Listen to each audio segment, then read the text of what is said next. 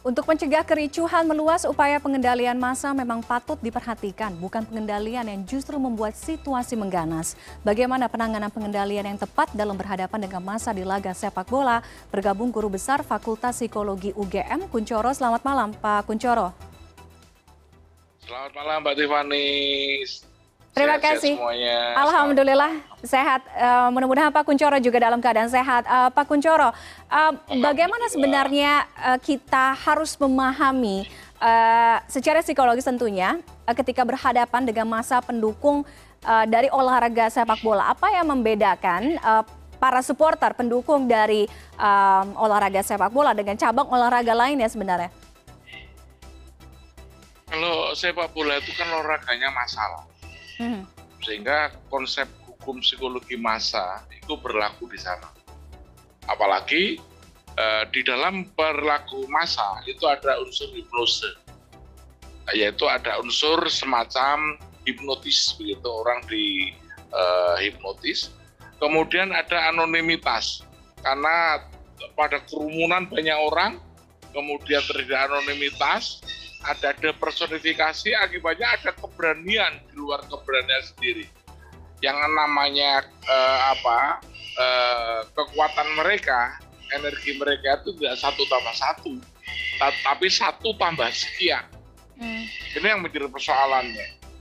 Nah tetapi yang menjadi persoalan kadang-kadang di sini ini karena kekuatannya demikian besar kadang-kadang bagi aparat yang tidak terlatih itu justru membuatnya sebagai sebuah ancaman. Dan itulah yang saya khawatirkan ini yang terjadi. Mereka tidak ada gerakan apa-apa, tetapi karena ada banyak orang dan kemudian eh, ketika isu tentang eh, apa geser mata itu ditembakkan, itulah ini yang menjadi sumbernya. Sumber di antaranya seperti itu, tapi semoga itu menjadi salah satu hal yang sekarang diselidiki, tetapi itu menjadikan satu masyarakat semakin bingung. Jadi situasi panik di antara mereka itulah Mbak yang kemudian membuat mereka itu seperti ini. Oke -hmm. oke, okay. uh, ketika ini melibatkan jumlah uh, yang sangat besar gitu, artinya kalau kita berbicara supporter atau pendukung sepak bola um, harus kita akui um, solidaritasnya sangat kuat sangat besar satu dengan yang lainnya. Tidak hanya di Indonesia tapi juga untuk seluruh uh, pendukung sepak bola di banyak negara di dunia ini. Artinya butuh manajemen massa, pengendalian yang penting. Karena apakah tingkat risikonya ini berbeda, uh, Pak Kuncoro? Ya sangat berbeda. Ini yang kalau boleh saya lakukan sebelum mundur sedikit dari isu ini adalah hmm. kalau saya ingin menyampaikan adalah bahwa apakah sekarang eh, pengorganisasian eh, supporter ini sudah sesuatu langkah yang paling baik ataukah ini hanyalah sebagai penyalur, penyaluran agresivitas supporter. Jadi kebanyakan anak muda itu mereka itu memiliki agresivitas yang luar biasa. Ketika saya masih muda zaman dahulu, banyak lapangan-lapangan kosong yang saya gunakan untuk berolahraga menyalurkan agresivitas. Saya bisa main voli di tetangga saya, hmm. saya bisa main sepak bola di kampung saya, saya bisa main. Sekarang dengan rumah yang semakin sempit-sempit, kecil-kecil, tidak ada kesempatan untuk kita bermain olahraga untuk menyalurkan agresivitas saya. Hmm. Lah untuk bisa menyalurkan agresivitas saya, saya harus membayar. Dan ini mereka memanfaatkan supporter ini sebagai penyaluran agresivitas yang ngeri adalah kontrol dan monitor. Saya melihat juga banyak beredar di situ adalah minuman keras. Minuman keras itu pembakar menjadi nekat, saya menjadi semakin nekat, ada anonimitas, perilaku masa kuat, akhirnya itu yang tidak susah untuk terbentuk, Mbak. Mm -hmm, mm -hmm. Oke, okay. kontrol dan monitor seperti apa Pak Kuncoro yang um, yang paling baik, yang paling tepat ketika berhadapan dengan um, apa masa supporter uh, pendukung sepak bola.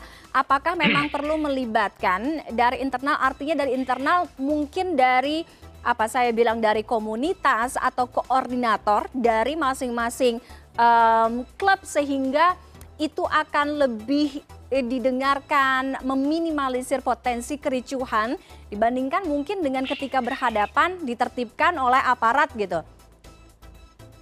Seharusnya memang itu, Mbak. Jadi itu adalah tugas komunitas. Coba sekarang bayangkan bahwa sebetulnya liga ini kan komersial ini. Mm-hmm. Tapi kenapa melibatkan banyak polisi, banyak menyebabkan tentara, banyak polisi yang terlibat di sini, gitu.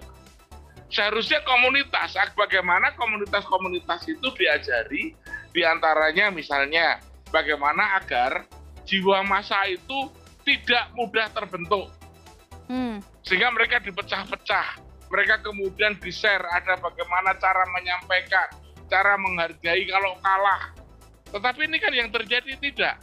Panitia kecolongan dengan tidak adanya bonek, mereka diharapkan tidak ada persoalan. Mm -hmm. Tetapi ketika mereka kalah, mereka ada suatu eh, apa ketidaksiapan eh, untuk menerima kenyataan.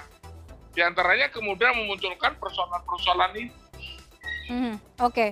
Sehingga sekali lagi kata kuncinya, Mbak, itu sebetulnya adalah kembalikan pada komunitas.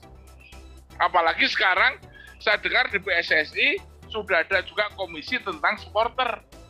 Nah, sekarang apa yang mereka kerjakan itu?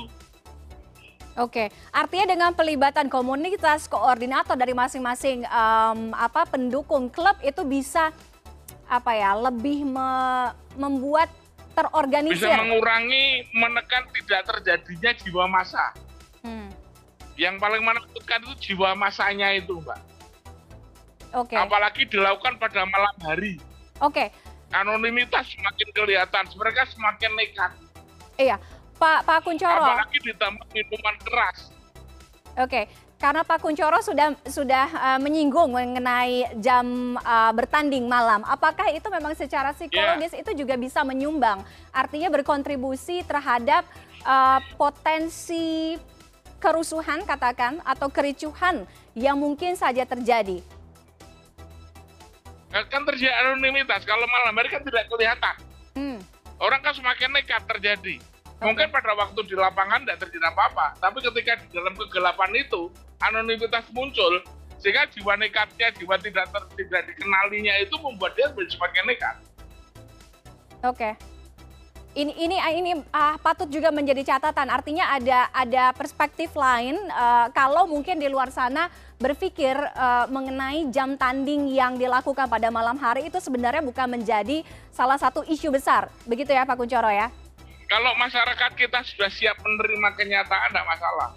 Tetapi ketika mereka masih menggunakan ini sebagai penyaluran agresivitas, ya jadi mereka itu media katarsis dari kehidupan sehari-hari. Kemudian mereka minuman keras, mereka nekat di situ, kalah ngamuk. Ya, itu bisa terjadi. Ada kan ada ke apa? Malam hari itu punya banyak sumbangan. Tapi kalau masyarakatnya sudah tertata rapi, saya kira tidak ada pengaruhnya. Baik. Baik, uh, terima kasih uh, Pak Kuncoro uh, sudah bergabung dengan kami malam hari untuk memberikan perspektif yang lain.